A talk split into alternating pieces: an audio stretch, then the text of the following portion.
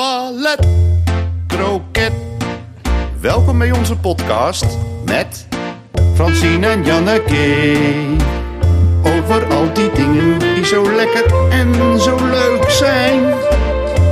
Ballet, kroket, culinaire zaligheden. Culturele wetenswaardigheden en ook nog met live publiek erbij. Die leuke fijne dingen vanuit Studio Kookhaven.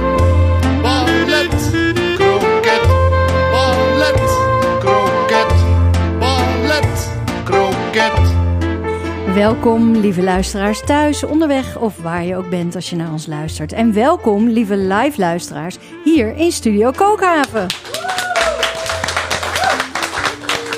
Het, Ballet Croquet wordt opgenomen voor een live studio publiek. En we zijn dan ook de enige podcast met live reacties. En die komen binnen via de Ballet Croquet app. Ja, en we hebben met het publiek al genoten van de Ballet Croquet Huisband. Vandaag weer op volle sterkte onder de tweekoppige leiding van Arend Bouwmeester en Matthijs Groené. En special guest Chris Korstens. En ja, die geven ons altijd een privéconcert voordat de opname begint. Vandaag heel bijzonder. Er werd gewerkt met speciaal opgenomen loops. Op, op kookapparatuur zijn er beats veroorzaakt. Eh, we hebben Matthijs gezien met zijn handen in een RVS-afwasbak. Ja, het, ik, ik, mensen, je moet sommige dingen gewoon aan den lijve eigenlijk ondervinden. En je moet gewoon afreizen naar die prachtige kookhaven om er zelf een keertje bij te zijn. En dit is eh, aflevering 18 van het eerste echte seizoen. Zeker, we gaan het hebben over dingen die het leven leuk en lekker maken. Waarmee je het leven kunt vieren, versieren en verdiepen. Wij doen daar al eh, 25 jaar onderzoek naar, Janneke. We kennen elkaar van ons werk op de redacties voor Kunststof en Mandjaren op Radio 1. En wat blijkt, al die onderwerpen kun je plaatsen op de lijn van ballet tot kroket. Janneke, waar zit je vanavond? Ja, ik zit toch in een soort ballet over kroketten. Zo zie ik het een beetje. Ballet over kroketten. Ja. Oké, oké, Ja. oké. En jij? Ehm, ja, kroket, ballet. Ik denk eerder kroket, want het gaat wel heel erg over eten. Ehm, ja, meer kroket. Ja? Ja. Oh, nou heerlijk voorzien. Ja, Nou ja, ehm, Maar we beginnen in de keuken, want daar staat vandaag Noni Kooijman van het boek De Wokbijbel. Welkom Noni. We gaan straks iets van je proeven, eh, maar dat doen we pas helemaal aan het einde. Maar kun je vast iets prijsgeven van een ingrediënt wat we straks eh, te proeven krijgen? Ehm, zeker. Het is ehm, een van mijn favoriete smaakmakers, omdat het echt meteen heel, heel, heel veel smaak geeft. En dat is gedroogde garnaaltjes. Oeh, leuk. Eh, ja, ja. één ingrediënt, hè, zei je. Ja, doe maar dan. eentje. Ja. hou de rest nog maar even geheim. Ja, en eh, we hebben natuurlijk onze gids van de avond. Eh, gidsen, dat zijn mensen die voor ons het hele culinaire en culturele landschap afgrazen. En dan hier komen vertellen wat zij daar deze week eh, uit willen lichten. Annewieke Korsen, jij bent onze gids extraordinair. Je behandelt de meest uiteenlopende onderwerpen hier in Ballet Croquet. Je houdt van boeken, je houdt van kunst, je houdt van reizen. Wat ga je vandaag met ons doen? Nou, ik denk dat ik een trend heb ontdekt. Misschien. Of op het spoor ben. Maar het lastige hiermee is, het is een beetje zoals kruif. Ja. Je ziet het pas als je het door hebt. Ja. Is het dat ik het nu overal zie omdat ik het door heb? Ja. Of is het echt iets? Ik vind het meteen weer zo'n filosofische start. En ik, ik krijg ook helemaal. Ik vind het ook heel erg passend in de maand januari. Waarin je alles weer even opnieuw gaat bezien. En eh, trends kunt voorspellen eigenlijk. Ja? Ik Zoiets? hoop het. Nou, eh Francine, zwengel hem er maar in. Janneke en Francine. Want Francine, dit belooft een heerlijke aflevering te worden. Eh, we zitten er eigenlijk alweer helemaal in. En dan vergeten we dat dit een podcast is. Zitten we gewoon leuk met elkaar te praten. Maar omdat het een podcast is, hoort daar die vraag bij. Hoe was jouw week? Wat heb je gezien, gedaan, gehoord, geproefd? Nou, ik hoef me nooit meer te vervelen sinds ik eh, Ballet Croquet ken. Want vorige keer eh, in Ballet Croquet een geweldige tip van Bart Prinsen over de film eh, Stop Making Sense van de Talking Heads. En die heb ik destijds in 84 gewoon zelf bekeken in de bioscoop. En ik dacht, ik ga er gewoon naartoe. En het was werkelijk de, precies dezelfde energieke ervaring als in 84. Ja, dat is niet te geloven. Het is bijna een soort Proustiaanse Madeleine-toestand. Want Ja, ik eh, wist niet dat die film zoveel indruk had gemaakt. Maar ik herkende gewoon nog bepaalde kleuren en bepaalde scènes uit die film.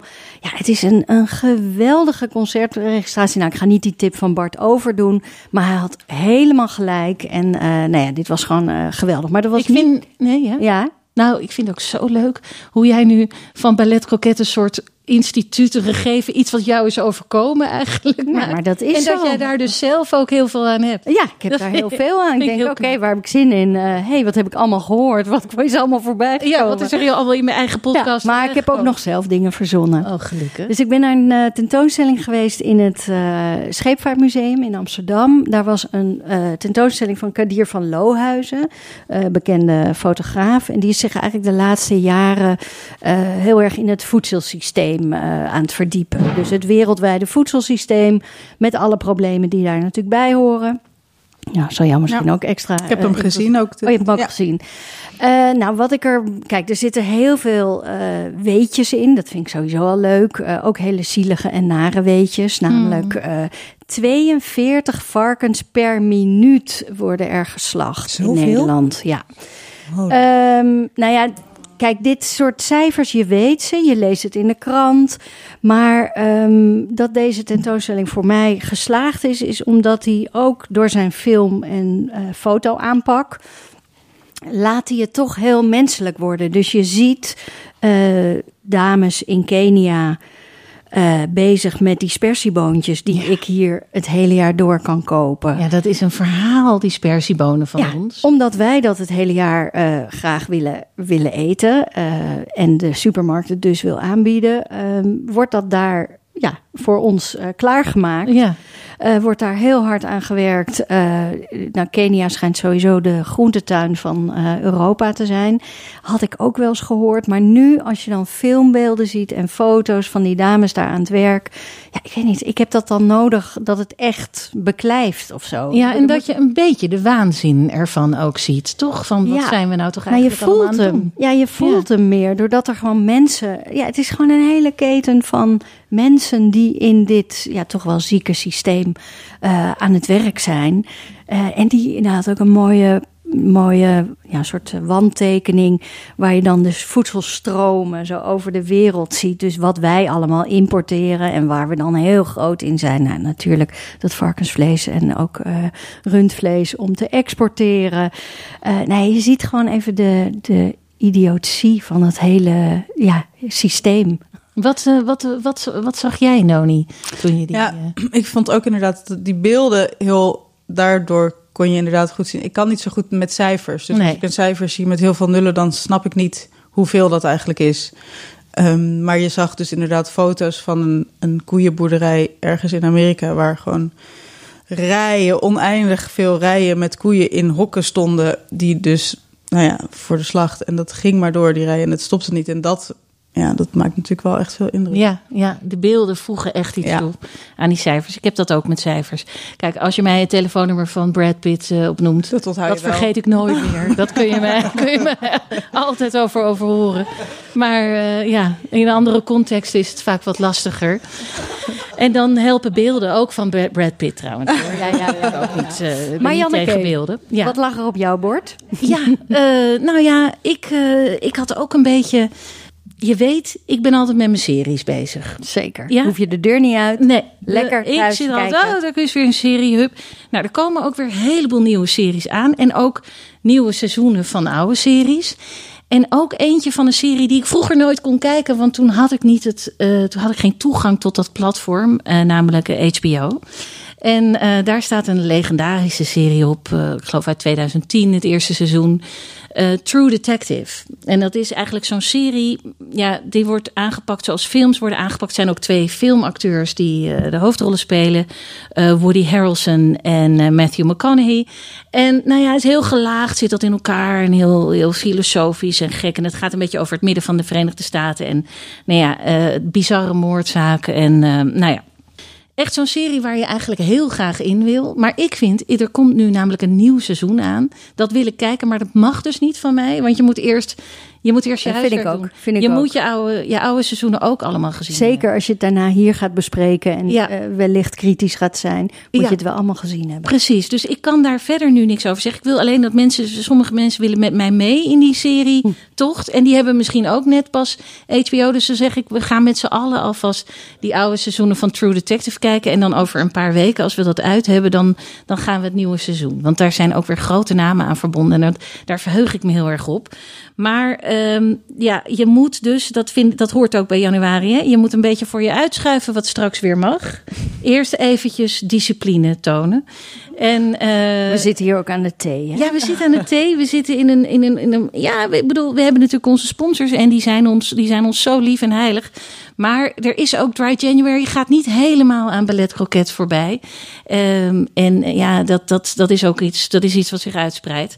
Maar goed, ehm, eh, we gaan trouwens in februari komen wij nog met tips voor Dry January. Zeker. Dus eigenlijk Dry, Dry Everywhere. next month. Ja, maar goed. ehm, wat ik dus eigenlijk echt, daar kom ik nou pas bij, waar ik Oh. dan eigenlijk echt mee bezig was deze week. Dat was met, eh, toch weer met die Verenigde Staten. Ik weet niet, wat is dat toch met dat land? Dat fascineert ons mateloos. Het lijkt heel erg alsof wij, alsof ons land erop lijkt, maar we zijn zo wezenlijk verschillend. En dat is, blijkt altijd extra in verkiezingstijd.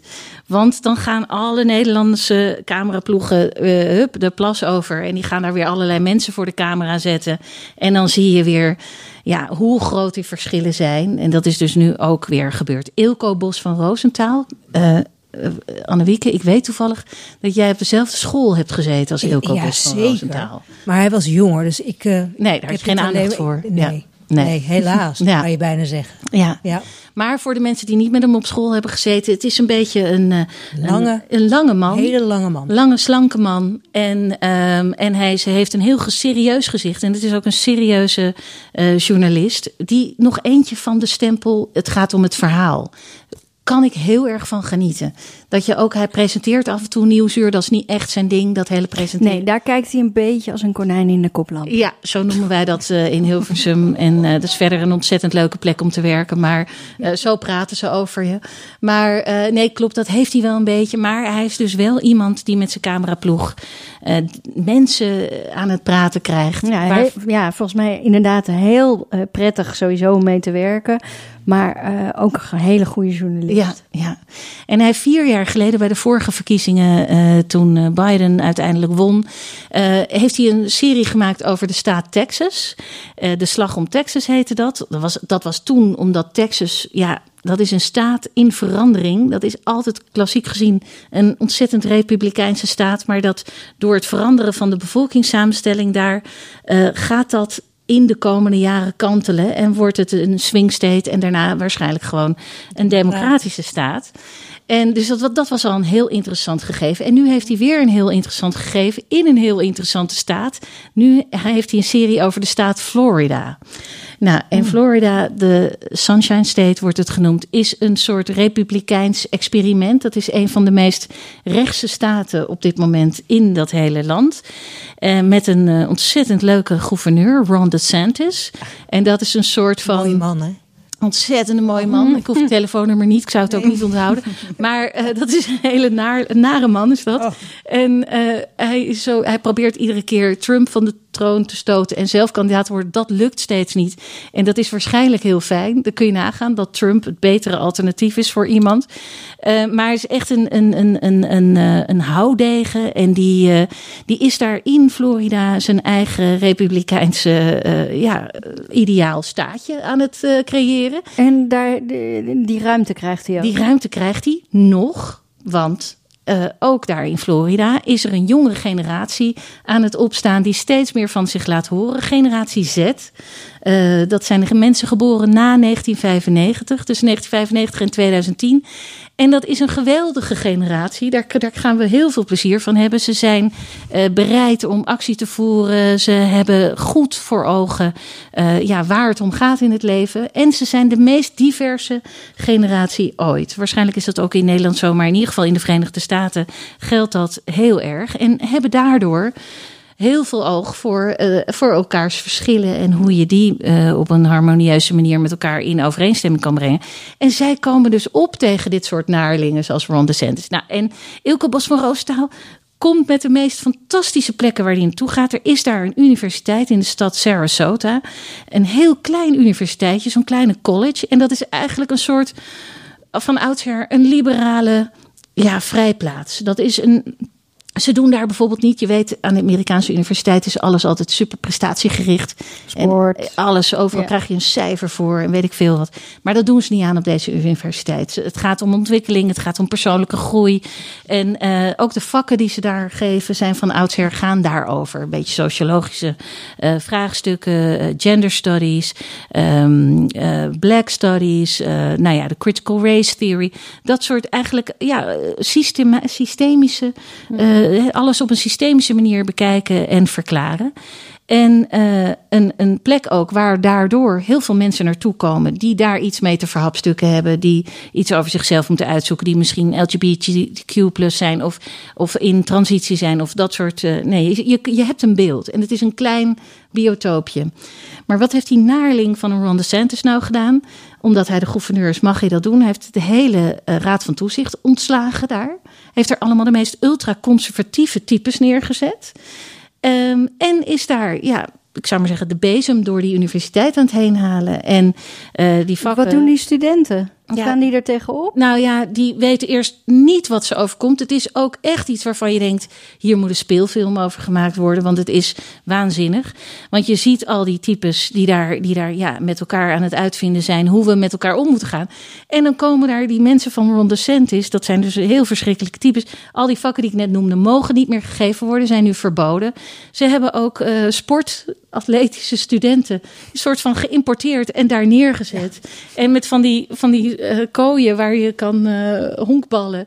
Weet je wel. En er lopen mensen de hele tijd te joggen in van die pakjes. En daartussen lopen dan al die mensen nog met die kleurige gewaden. En Ilko. En, en Ilko staat er als een hele lange stier. Nee, dit is ook een fantastisch shot. Hij ligt op een gegeven moment ook in het gras. En er ligt er dus een hele lange Ilko Bos van Roosentaal. Ligt in het gras.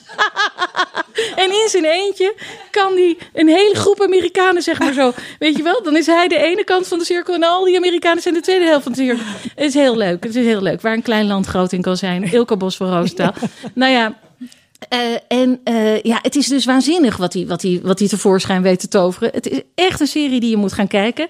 Helaas eh, is die pas aanstaande zondag te zien. Ze zijn hem nu nog aan het monteren. Ik heb een soort ruwe versie Maar gezien. waarom helaas? Nou ja, je wil dit natuurlijk Ah, meteen. zo. Nee, maar ik Je moet, wil eerst die, meteen. ik moet eerst die andere zien. Ja, je kan dus nu, dat is dus inderdaad, je moet nu gewoon al wel vast, dat is ook een so- soort huiswerk doen, Ja. even naar NPO Start gaan en alvast de Slag om Texas van vier jaar geleden bekijken.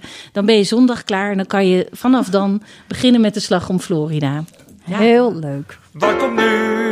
Wat komt nu?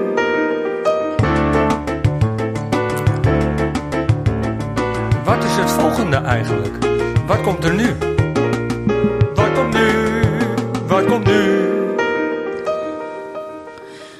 Noni Kooijman, kok van de week. Je bent kok, eh, eigenlijk al vanaf je achttiende trok je de wijde wereld in en kwam je in Parijs in een bakkerij terecht. Ja, Niet dat de klopt. minste. Rose Bakery. Rose Bakery. Ja. En vanaf toen was het, was het meteen liefde tussen de keuken en, en Noni. Nou, vanaf dus Rose Bakery wel eigenlijk. Dat was een beetje per ongeluk gegaan dat ik daar terecht kwam. Ik werkte, ik ging ehm, naar Parijs op de Bonnefoy na de middelbare school. En toen ging ik in een soort chique, hippe kledingwinkel werken. Ik sprak geen Frans, maar het was echt de bedoeling dat ik de mensen hielp met wat voor een kleren ze moesten kopen. Dus dat lukte niet. Ehm, dus toen ben ik in die bakkerij terechtgekomen. De eigenaar van die kledingwinkel heeft me Naar de bakkerij, naar de bakkerij geloodst. Gebonjourd. Heel aardig, heel lief heeft hij dat geregeld. Maar goed, ehm, Ik wil hier trouwens ook een speelfilm over zien. Noni die op haar achttiende ja, in de ik trein snap stapt. niet wat je zegt, mevrouw. Ja, nee, Ja. ik snapte er niks van. Het sollicitatiegesprek ging dus... Nee, ik kende hem een beetje, die, die knul van die winkel. Dus toen, eh, Die sprak dus wel. zeker, ja, ja, hij, hij absoluut. Oké. Ehm, Dus hij was zo aardig om dan mij gewoon daar neer te zetten in die winkel. Maar dat ging dus toch niet helemaal. Nee. eh, ja. En zo belandde je echt per toeval in de keuken van een bakkerij. ja. En toen was het aan. Ja, toen ik in Amsterdam terugkwam, toen ging ik echt hier ehm, de, de horeca af. Ja, en je hebt allerlei leuke Ja. eh, experimentele of vooruitstrevende restaurantkeukens gewerkt. maar toen, eh, en het lijkt nu net alsof je al 50 bent met alles wat je allemaal hebt meegemaakt, maar dat is niet zo. Eh, want toen, toen dacht je, nee, er moet nog iets bij. Ik ga erover schrijven, ik ga boeken maken. ja, ik wilde heel graag ehm, een beetje die keuken uit ook op een gegeven moment weer. Ja, Ik was toen zwanger en toen wou ik absoluut niet meer elke avond thuis staan buffelen in, in het zweet en in de hitte. nee, En de volgende ochtend heel moe zijn. En dat ritme is gewoon niet verenigbaar. zo- nee. nee. nee. Ehm, en toen ehm, heb ik met Jona Freud een kookboek gemaakt. Dus zij Ja. heeft me het kookboekenwereldje inge, ingesleurd. Een prachtig boek Door over- iedereen soort over inmaken. kant op ge, ja. Ja. ja. je, hebt Ja. Steeds, je bent steeds goede mensen tegengekomen. Ik heb dat setje wel nodig blijkbaar, ja. Ja, ja. Of je hebt daar talent voor. Ja. Ja, of ze zien het. Ja, misschien is dat Dus Nee, zien- maar ze- ja. Ja. toen heb ik met Jona inmaken gemaakt. Dat was heel leuk om te doen. Dat Ja. vond ik echt heel leuk. En ehm, En nu ligt daar dat geweldige boek, de Wokbijbel. ja, dat is het, mijn, eh, mijn nieuwste boek. En ehm, daar staan heel, heel veel recepten in. 200, meer dan 200. Dus het was echt een, Een bevalling. klus. Ja. Ja. maar Janneke en ik eh, waren het even aan het bekijken. En eh, even helemaal terug naar het begin, namelijk die wok. Iedereen Ja. heeft er nu wel één staan, maar van verschillende materialen kan die Ja. gemaakt worden. Ja. Dus je hebt die plaatstalen, die moet je inbranden. Nou, daar hadden wij meteen een discussie over. Of eigenlijk waren we het er heel erg over eens. Dat ding ziet er zo vies uit. Dus als je dat doet. Nou ja, daarna weet je nooit, is hij nou schoon of niet? Ja, je kan Eh, toch gewoon goed poenen, dan zie je het wel. ah. Ja, ik, Ik heb ook wel, ik vind zo'n hele mooie glimmende pan ook wel. Dus ik heb ook de neiging om als ik, want je kan die woks gewoon in de, in de Aziatische supermarkt kopen. Ja, dan loop ik daar langs en denk ik, oh ja. dan ziet ik- er nog helemaal mooi uit. Ja. Ja. maar eigenlijk is dat gebrande wat je wil. Dat is eigenlijk wat je erin wil. Dat is, ehm, Ja. dat, dat, Dat is eigenlijk Dat een anti-aanbaklaag. Ja, en dan een goede, een gezonde. ja. Maar ik heb daar dus ook moeite mee, omdat ik eh, in, in complete vertwijfeling raak over is hij schoon of niet. En daardoor komt die pan ergens onderin en vaak gaat hij op een gegeven moment roesten. En dan wordt hij ook... Maar dat komt omdat je, omdat je gewoon, je bent niet goed met je wok bezig. Maar daarom moeten we nu de wokbijbel hebben, want er zijn alternatieven. Qua pannen. Ja. Qua- ja, sowieso mag je nooit een wok met anti-aanbaklaag kopen voor Nee. mij. Nee, ik kijk nu even, eh, ik draai mijn hoofd even op. Maar eh, nee, vind ik ook niet. Maar Mag kun je nog even uitleggen waarom niet? Ja, zeker. Ja, die anti-aanbaklaag die laat los. En die kan ook niet tegen de hitte die je nodig hebt om goed te wokken. Dus als je heel heet met zo'n pan eh, in die pan gaat bakken, dan gaat het met die laag los. En dan, nou ja, dat is natuurlijk komt het hele doel van wokken. Ja. Ja, dus het werkt niet. En zo'n ehm, eh, zo'n ingebrande pan, dat werkt heel goed. Dus je bouwt dus met al het vet wat erin komt, bouw je een laagje op. Ehm, wat de perfecte anti-aanbaklaag is. Ja, en dan die andere, die heb ik ook. Ja, ik heb, ja, ik heb zelf ook thuis een gietijzeren wok. Eigenlijk vind ik dat een mindere dan die plaatstalen. Maar die houdt langer de hitte vast. En ik heb niet thuis zo'n hele grote wokbrander met heel veel vuur. Dus dan vind ik die gietijzeren prettiger. Omdat als ik daar ehm, nou ja, dingen in bak, dan blijft het gewoon heter. Mhm. Die plaatstalen, dan wordt het heel snel koud. Als je niet genoeg vlammen onder je pan hebt. En, eh, en er is ook nog zoiets als een RVS-wok. Die mag Ja. je helemaal schoonmaken. Die mag je helemaal schoonmaken, boenen, boenen, boenen. Ehm, daar heb ik wel eens mee gewokt. Die heb ik niet thuis. Ehm, prima, maar heel duur. Ja. En, niet, en dus niet zo nodig, Nee. want die plaatstalen is heel goedkoop. Nou, Francine, we moeten gewoon. We moeten aan dat plaatstaal. Het is Ja. nu klaar. Ja, het is nu klaar 2024, en eh, niet dat Ja. bangige, Nee, niet bangige dat laffe gedoe. Je kan hem Ja. gewoon wassen, hè? Ja, je kan, Ja. als je er heel veel zeep in schropt, dan, laat, dan haal je natuurlijk dat laagje een beetje weg. Maar Ja. goed, dan moet je weer opnieuw opbouwen. Maar je maakt niet de pan kapot. Nee. Nee. Even naar de gerechten, want eh, dat eerste gerecht springt er meteen uit, want daar gebruik je twee eh, producten eh, die wel eens lastig gevonden worden door mensen: aubergine en okra. Oh ja, ja. Allebei slijmerig. Allebei slijmerig. Waarom doen ze het zo goed in de wok? Nou, ik vind ehm okra dat ehm, als je dat hard bakt, dan verdwijnt de slijmerigheid. Dus ik snij ze in de lengte ook door midden, dat je dus veel van die binnenkant ehm, kan karamelliseren en kan bakken. dat zorgt ervoor dat het, dat het niet zo slijmerig wordt. Ah ja, oké. want En dat- dus ook niet zo heel sompig gaar maken. Dus nog een beetje knapperig houden en gewoon helemaal goed hard bakken. Ja, dan is het gewoon best wel... Het is, ik vind het een hele lekkere smaak. dus de wok die kan jou eigenlijk eh, moeilijke ingrediënten lekker laten Ja, de maken. wok is waanzinnig. Ja, ja. ja, best wel grappig eigenlijk dat dus een wok het, het thema is van... Een, een pan is het thema van een bijbel. Niet een land Ja. of een eh, bepaalde keuken. Ja, of een, eh, een... Ja, maar het is natuurlijk een kookmanier. Ja, het is wel... Je kookt natuurlijk... Als je wokt heb je heel veel hitte nodig. En het gaat meestal best wel snel. Mhm. Dus dat is wel een soort overeenkomst in de soort gerechten die je Mhm. dan maakt.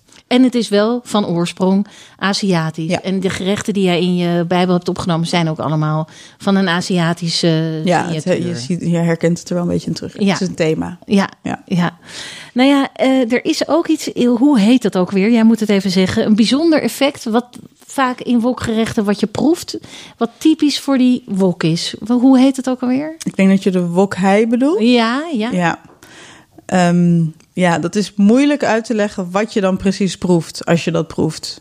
Ehm, het is iets wat ontstaat ehm, als je heel veel hitte gebruikt en als je heel veel lucht gebruikt. Dus je, als je wokt, dan schep je heel vaak dat eten om. En als je een, een wok hebt met een, met een handvat eraan, dan kan je die pan schudden en je lepel schudden. En dan gaat het allemaal de lucht in en dan ehm, komt er lucht in het eten. En dan zit het weer in die hele, hele, hele, hele hete pan.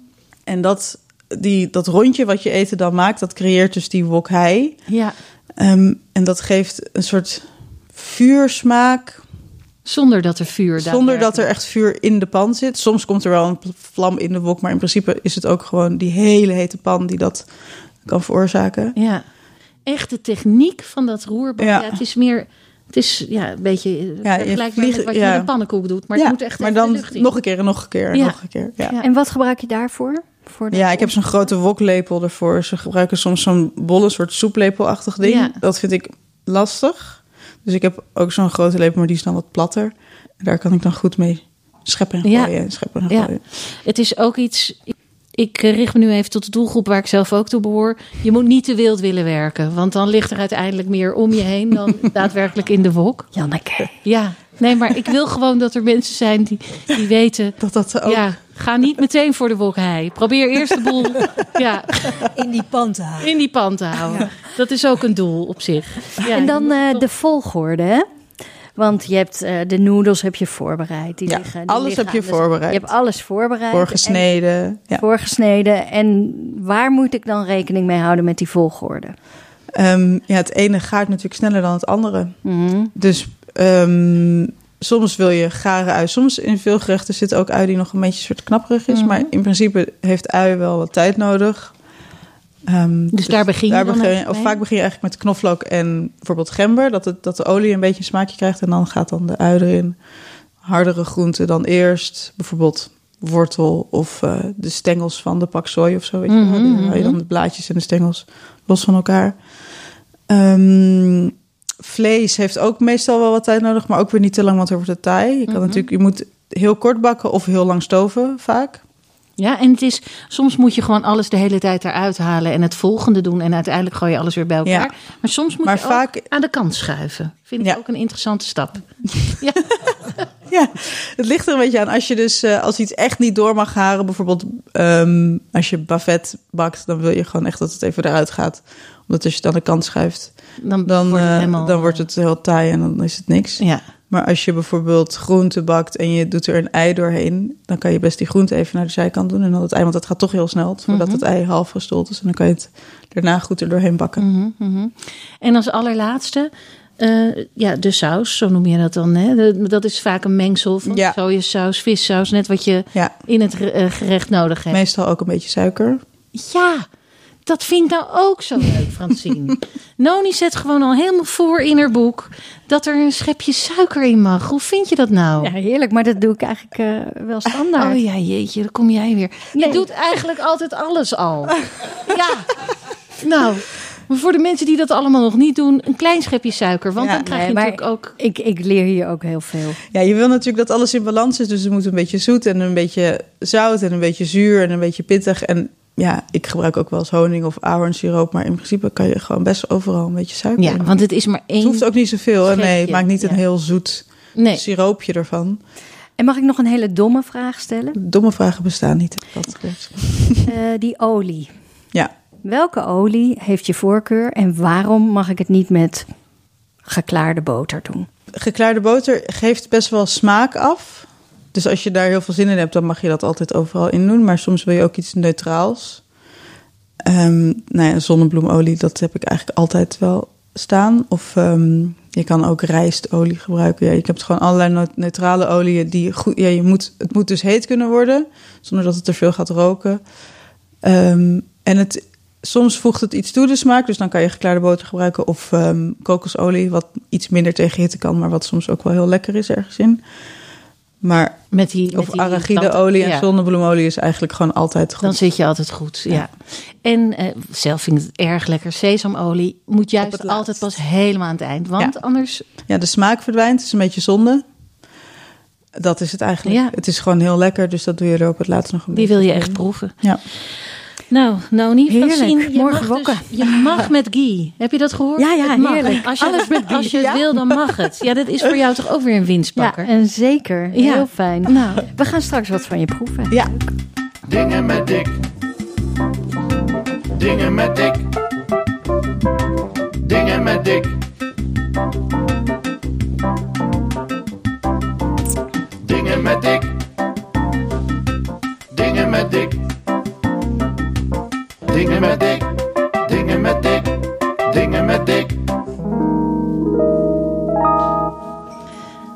Verweda is aangeschoven en dat betekent reclame. Want Ballet Croquet is een onafhankelijke podcast en wordt mede mogelijk gemaakt door de sponsoring van een paar fantastische merken.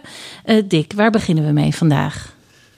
Ik wou beginnen met, eh, met het afgelopen week dat ik eh, eh, op de Horecava stond voor het merk eh Fever, Fever Tree. Tree, ja. Waar Want- we, waar we eh, eh, wonder boven wonder ook Hermit Gin schonken. Ja, En oesters samenkwamen. Ja. Dus het, het, het was een revelatie. ja je hele- dreigde er vorige week al mee dat je daar de bar Ja, zou gaan overnemen. ja. Maar dat heb je dus ook echt Het is, het uitgevoerd. is gebeurd en Ja. ja. ja, het werd met veel enthousiasme ontvangen. Ik heb, ik heb duizenden blije gezichten voorbij zien trekken.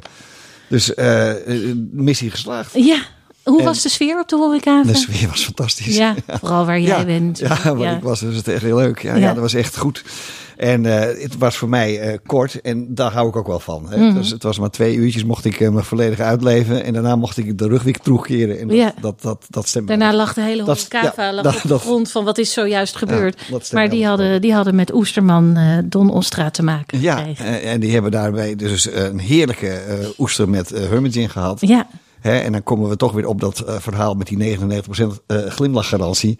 Nou, ik weet niet wat er gebeurde, maar eh, die afdeling, die hal waar ik stond, ja. echt niet te geloven. was gewoon 100% denk ik. Was 100% Ja. Ja, ja. nee, dat mogen. Zulke cijfers moet je ook gewoon noemen in je rubriek. Ja, ja, op een gegeven moment moeten we naar de 100. Ik bedoel, en daar moet je ook naar streven, toch? De eerste bescheiden reclamerubriek moet nog begonnen worden. Laten wij dat niet doen. nee, het is gewoon, als het 100% is, dan zeggen we dat. Ja, dan doen we dat. ja. En, en, en daarbij die, eh, die, die, die Fever Tree eh, tonic. Hè. Dus, eh, ik stond op de stand van Fever Tree. En daar stond niet één tonic, de Mediterranean, maar daar stond een hele range. Ze hadden nieuwe smaken. Dus ook daar in de Dry January, wat we hier ook hebben. Hè. We hebben hier een paar mensen, hebben we de gin even uit de, de gin tonic gehaald. Dus hebben we alleen tonic met eh, wel het zonnetje erin en de zeekraal om hè, terug te keren in de zee. En het eh, zonnetje te doen schijnen. Maar ook eh, de Fever Ook die mensen stemt- zijn tevreden, toch? ja, die stem die, die worden ook met een glimlach be- begroet. Dus, ja, het is eigenlijk, ja. wij werken dus bij Ballet Croquet. En dat is puur toeval. Maar met alleen maar goede merken. Ik ben bang dat dat te waar is. Ja, het is gewoon zo. Het is en gewoon de zo. mensen thuis zijn eigenlijk niet goed bezig als ze niet onmiddellijk ook met die merken gaan werken. Nou, ik zou, ik zou zeer zeker in deze maand die, die Fever Tree aan. aan Ja. als, je, als je, nou, ik zou eens even een, een, een folder erop naslaan. Want ik, ik heb het nu niet, hè, dat naslagwerk, dat, dat, dat beloof ik elke keer te doen. Maar Ja. ik zou dus een hele range op kunnen noemen, maar dan begin ik te liegen. Ja. Dus ik ben, ik ben, We gaan niet liegen. Nee, Dit is een eerlijke rubriek. Maar de Mediterranean eh, eh, eh, tonic is de beste in mijn ogen. Maar Ja. ze hebben een, een, een, een, een keur aan smaken. Ja, het is een, En dat, een allemaal met die, baaierd. en dat allemaal met die natuurlijke ingrediënten waar ik nog wel eens over, over ben begonnen. Met, Met die, die boom, kinine. Met die boom en die Ja. kinine. En, en ach, dat was een heel... Ach, Dick, je kan daarover vertellen. Nou, ik krijg er eigenlijk nooit Ja. genoeg van. Nee. Maar ik behoor bijna de eindtune alweer jammer, van deze rubriek. Dus nog heel eventjes Studio Kookhaven, waar we nu zijn. Dat is de locatie voor al uw culinaire uitspattingen. En eh, als je een keer een feestje wil geven, kan dat ook in de culinaire uitspattingen, na de culinaire, tijdens de culinaire uitspattingen. Het, het is maar net wat je wil. Het is maar net wat je wil. Eh, kijk eventjes op de link in onze show notes. Dan zit je in één klap op de site van Dick. Eh, als Studio Kookhaven of bij Don Ostra. Of die fantastische jongens van Hermit Gin. eh, of de mensen van Fever Tree eh, Mediterranean Tonic. Ja, Veel om op te noemen. jongens. Hè? Dingen met dik, dingen met dik, dingen met dik. We gaan naar onze gids, Annemieke Kors. Die gaat het over een boek hebben. Ehm, het begon eigenlijk met een verjaardagscadeau dat ik had gekregen. Ik had een kennismakingscursus gekregen, keramiek en pottenbakken. Hmm. Dat je denkt, oké, dat kan. Ja, De inner zen, hè, loslaten. Denk, waarom ook niet? Denk, dat is leuk. Kan het in Amsterdam? Ja, dat kan in Amsterdam. Op meerdere plekken oké. kwam ik achter. Het inschrijven alleen al, heel veel zat vol. En er waren meerdere locaties. En opeens zag ik bij mij om de hoek zat ook een pottenbakstudio. Ook vol. En toen liep ik in Haarlem, zag ik opeens een pottenbakstudio. En allemaal mensen zitten daar. Mensen, wiel. vrouwen? Mens- nee, mensen. Mensen? Meisjes. Oké, Mensen ik zeg dit omdat ik, Nee, ik ken een boel vrouwen die nu die nu, de as we speak, ja, Beelden van ja, katten aan het boetseren. Nee, nee, nee. Hele mooie kopjes en hele serviezen. En, Ja. eh, eh, Maar ik ben is- heel benieuwd. Het is Eh, volgens mij een trend. Volgens mij, mensen hebben behoefte om, om weer te maken en te creëren. Ja, Maar het was bijna onmogelijk om, om zeg maar, mezelf in te schrijven voor die ene ochtend Ja. als kennismaking. Denk, Maar is het gelukt? Het is gelukt. Ik heb iets gemaakt. Moeilijker dan je denkt. Heb je het bij je? Nee, ik heb het niet bij me. is het het niveau van de asbak van de kleuterschool? Nou, daar moest ik wel heel erg aan denken. Want ik, ik had zeg maar het wiel, dus het, het echte, het pottenbakken. Ja. En het handklei, dat ik denk, ja, en wat maak je dan? Ja. En dat je dat iedereen in de jaren zeventig, toen ik Ja. op de kleuterschool zat, toch die asbak. Generatie X. Ja, Het is toch bijna niet meer voor te stellen. En dat ik daar, ik kan me herinneren dat ik daar een keer zat en ik een asbak. En ik had niet rokende ouders. Ik denk, waarom maak ik een asbak? En toen heb ik een kopje gemaakt. Ah, Ach, dat vind ik heel vooruitstrevend. Je had zo in een andere generatie Nou, gekund. hè, ik ik- maakte hem met dat er aan alle kanten eentje kon liggen. Oh ja, Ja. de vierkante. Ja, ja, met Ja. de inkeping. De inkeping. Ja, En kon je met een kleuterhandje kon je die precies, Ja, zo precies. passen Het voor de vingertje was- ja. ja, ja. Ideaal. Nou, hartstikke. Dus, ehm, maar zo kwam dus het hele pottenbakken jouw kwam het, leven het, in. het pottenbakken kwam in mijn leven. En, en toen ik dus aan het pottenbakken was, moest ik denken aan een boek dat ik ooit heb gelezen. Omdat het ge- geschreven is door iemand die pottenbakker is. Hij heette Edmund de Waal. Nou, dan weet je het al. We hebben te maken met een Brit. Nee, ja, Net dat zo, is heel gek. Dat is heel gek. Hij heet De Waal. Hij heet De Waal. Ik bedoel, Ja. Nederlandser dan dit kan het niet. En Nee. net zo Brit als zijn naam niet is, Ja. is eigenlijk ook zijn familiegeschiedenis. Ah, Het boek heet eh, De Haas met de barnsteenkleurige ogen. prachtige titel. De titel is heel mooi. Het boek is eigenlijk nog mooier. Ja. Ehm, ik vind hem bijna onuitstaanbaar, want hij is pottenbakker en dat doet hij heel goed. Mhm. Hij is dus. Het, nou, het staat in musea wat hij maakt. In, in, in, in, het wordt voor, voor weet ik veel wat voor bedragen verkocht. En hij kan dus ook heel goed schrijven. Want hij heeft natuurlijk ook in Cambridge heeft hij Engels gestudeerd. Ja. Natuurlijk. Natuurlijk, het is Uiteraard. iemand die allerlei dingen kan eigenlijk. Eigenlijk wel. En ook nog met een hele interessante familie. En ook nog een hele interessante familie. En die komt via zijn, de grootmoeder van zijn vader. Dus het is allemaal heel ingewikkeld. Ja, Het begint eigenlijk met de netsuke. En dat is een knoop Ja. van een gordel. Een kimono heeft geen zakken. En om toch eh, iets van tabak of een zakdoek... of je zult maar iets mee willen nemen. Ja. En hadden ze dus een soort... aan een gordel, een, een, een soort knoop... daar kon ze dan een tasje aan maken. En Ah, die ja. knoop zijn eigenlijk miniatuur kunstwerkjes. en daar komt die haas met En- de barnsteenkleurige Precies. ogen. En de netsuke, dat is, de haas is een netsuke. Dat is dus een knoop, een gordelknoop.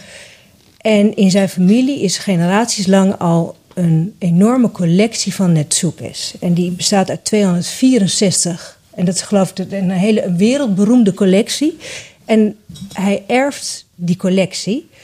En omdat hij een, een, een man is die, die dingen maakt, is hij ook geïnteresseerd in of een voorwerp dat het wordt gemaakt en hoe wordt er dan mee omgegaan? Wat is de geschiedenis en kan een voorwerp ook de geschiedenis in zich vasthouden? Ja, ja, ja. Meedragen naar... Meedragen naar de volgende gen. Dus hij gaat eigenlijk aan de hand van die, van die gordelknopen, gaat hij dus op zoek naar zijn. Hoe komt dit in de familie? Ja. En dan komt er een verhaal dat je denkt: oké, we hebben allemaal een familiegeschiedenis, maar we willen bijna eigenlijk allemaal deze familiegeschiedenis en eigenlijk ook niet. Nee. Het begint in Odessa met Oh, een verre, verre ja. voorouder. Die eh, begint in de graan, graanhandel, wordt daar heel erg rijk mee. Heeft zoons en die zoons stuurt hij Europa in om banken op te zetten. Ah, ja. Gaat er een naar Parijs, dan gaat er een naar Wenen. En dan gaan dan weer de kinderen daarvan gaan geloof ik weer naar Engeland. En die mensen worden rijk. Maar niet een beetje rijk, maar heel erg Puissant rijk. rijk. Filthy Ja. rich. Yep. En wat doen ze met al dat En wat geld? doen ze met al het geld? Hele mooie huizen bouwen en heel veel investeren in kunst. En dan heb je de Parijse oom. En die, we zitten in Fin du siècle.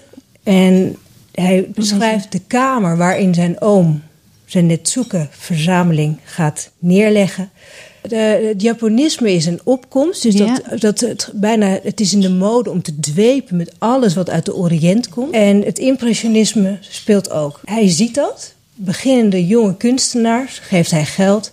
En dus is deze oom omringd met Renoirs oh. en Degas. En dat in zo'n stadspaleis in Parijs. En Even Annemieke, zit, zit je te lezen en zoek je er dan de hele tijd op je telefoon plaatjes bij? eh, of heb jij dit allemaal als bagage in je hoofd? Want het Het klinkt... zit in mijn, het zit in mijn hoofd. Zit in je maar hoofd. hij kan het ook, uh, Edmund de Waal kan het ook heel mooi beschrijven. Het is bijna alsof je bij deze oom in die kamer aanwezig bent. Mhm, En je krijgt helemaal een gevoel van het leven dat hij leidt. Het is fantastisch. Ik heb dat boek ook, en ik, ben, ik heb hem nog niet uit, maar ik ben er ook in begonnen. Het is zo'n verhaal waar de tijd voor genomen wordt. Het Ja. is alsof het ook, ja, de verteltijd, het gaat heel langzaam voorbij. En dat maakt dat je die beelden allemaal zo mooi binnenkrijgt. En eigenlijk ook denkt, ik moet nu ook zo'n verzameling Ja. van die kleine... Die kleine lieve. En ik had nog nooit van Netzoekers. Nee. Die heb ik toen wel gegoogeld. Ja. Wat hoe ziet het eruit en wat is het? Maar dat Ja. je denkt, dat wil je hebben. Het zijn gewoon kleine miniatuurkunstwerkjes die zo- soms uit een pit van een, van een vrucht zijn, zijn uitgeslepen, Geslepen. geslepen, gesneden. Nou, met heel veel precisie en aandacht. Dat je denkt, wauw. Maar ik vind jou wel een type om dan in Parijs te gaan rondlopen en te kijken waar zo'n huis staat. Of, Ja. of, of is dat ook zo? Dat is ook zo. Is dit dat, is ook gebeurd? zo. dat is ook Ja. echt gebeurd. Ja. Het heeft ook meer te maken met een volgend boek dat hij heeft geschreven. Ah, En dat is een museum, maar dat is weer een heel ander verhaal. Oh, oké, dat komt nog een keer. Dat- maar dat is, dat het- is een- ja. Je kan dus bepaalde decors uit dit boek nog zien. Ja, ja, ja. Dat, dat is ook eh, de Weense tak. Dat is waar zijn eh, oma is opgegroeid, ook in een stadspaleis. En hij gaat dus naar Wenen. En hij staat dus op een gegeven moment op de stoep te kijken naar het huis waar zijn oma is opgegroeid. En dat is niet een huis van twee meter, drie meter. Het is zeg maar een heel woonblok Ja, van ja. vijf etages. Het is echt een stadspaleis dat je denkt... Hij staat daar en kijkt naar waar zijn oma ooit een leven heeft doorgebracht. En dat hij denkt, ongelooflijk. Want de familie was ontzettend rijk. Mhm. Maar naast dat ze rijk waren, bankiers, gelieerd aan de Rothschilds. Ja, Dus die kringen moet je denken. ja. ehm, waren ze net zoals de Rothschilds eh, Joodse familie. Ah, dus ze moesten ook eh, En- de oorlog... eh, Precies. Dus het is niet alleen de geschiedenis van een kunstverzameling, Nee. van hoe een collectie de tand des tijds eigenlijk doorstaat. ja, Het is ook het verhaal van Europa, Ja. van een Joodse familie.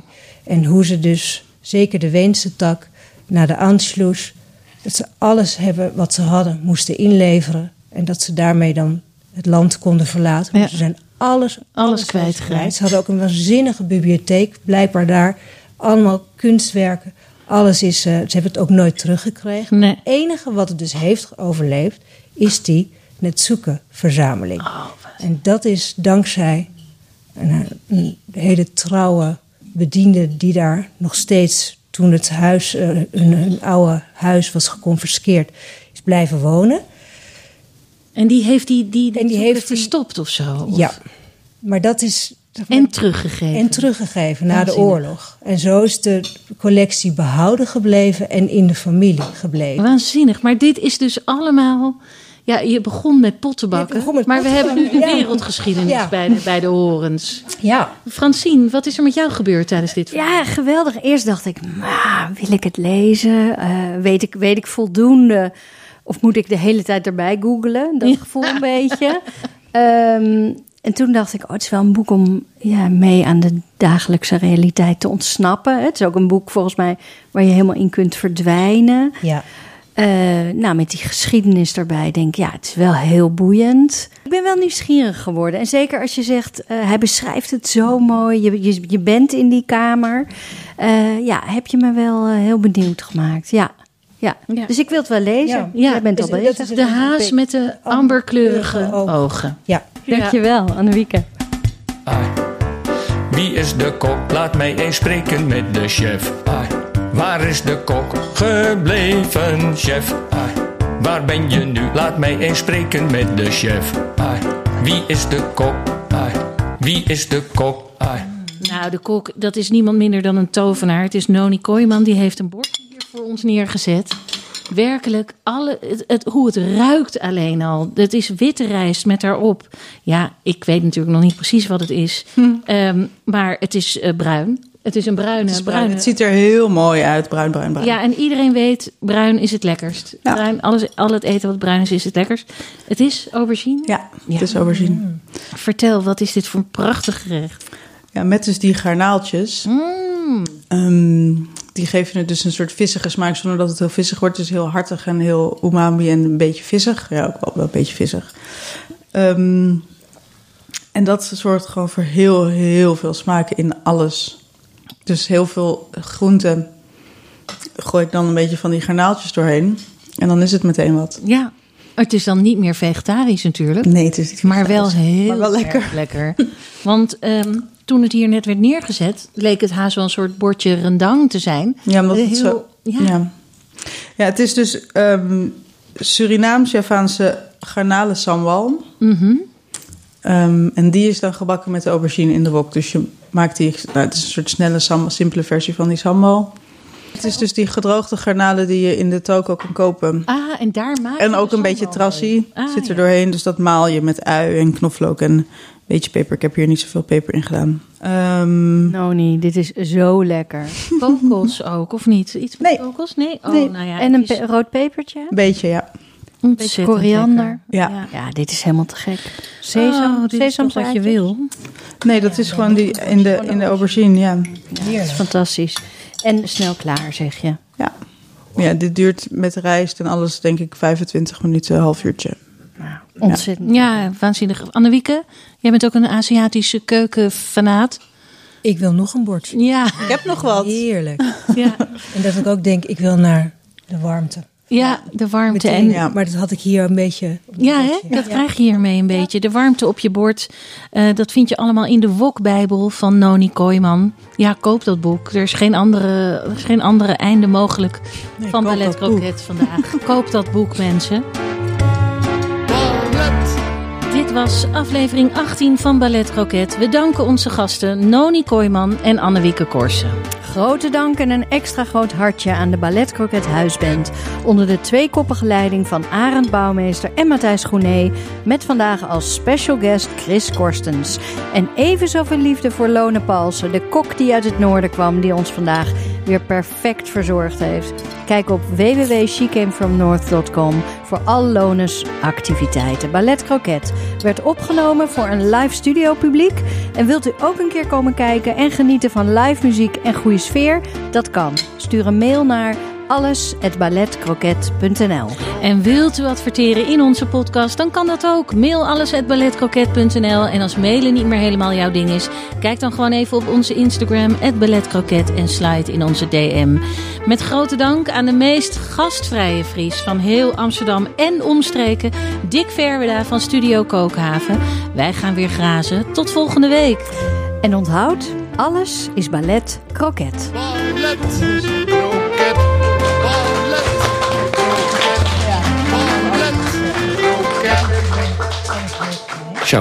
Nu weer kroket.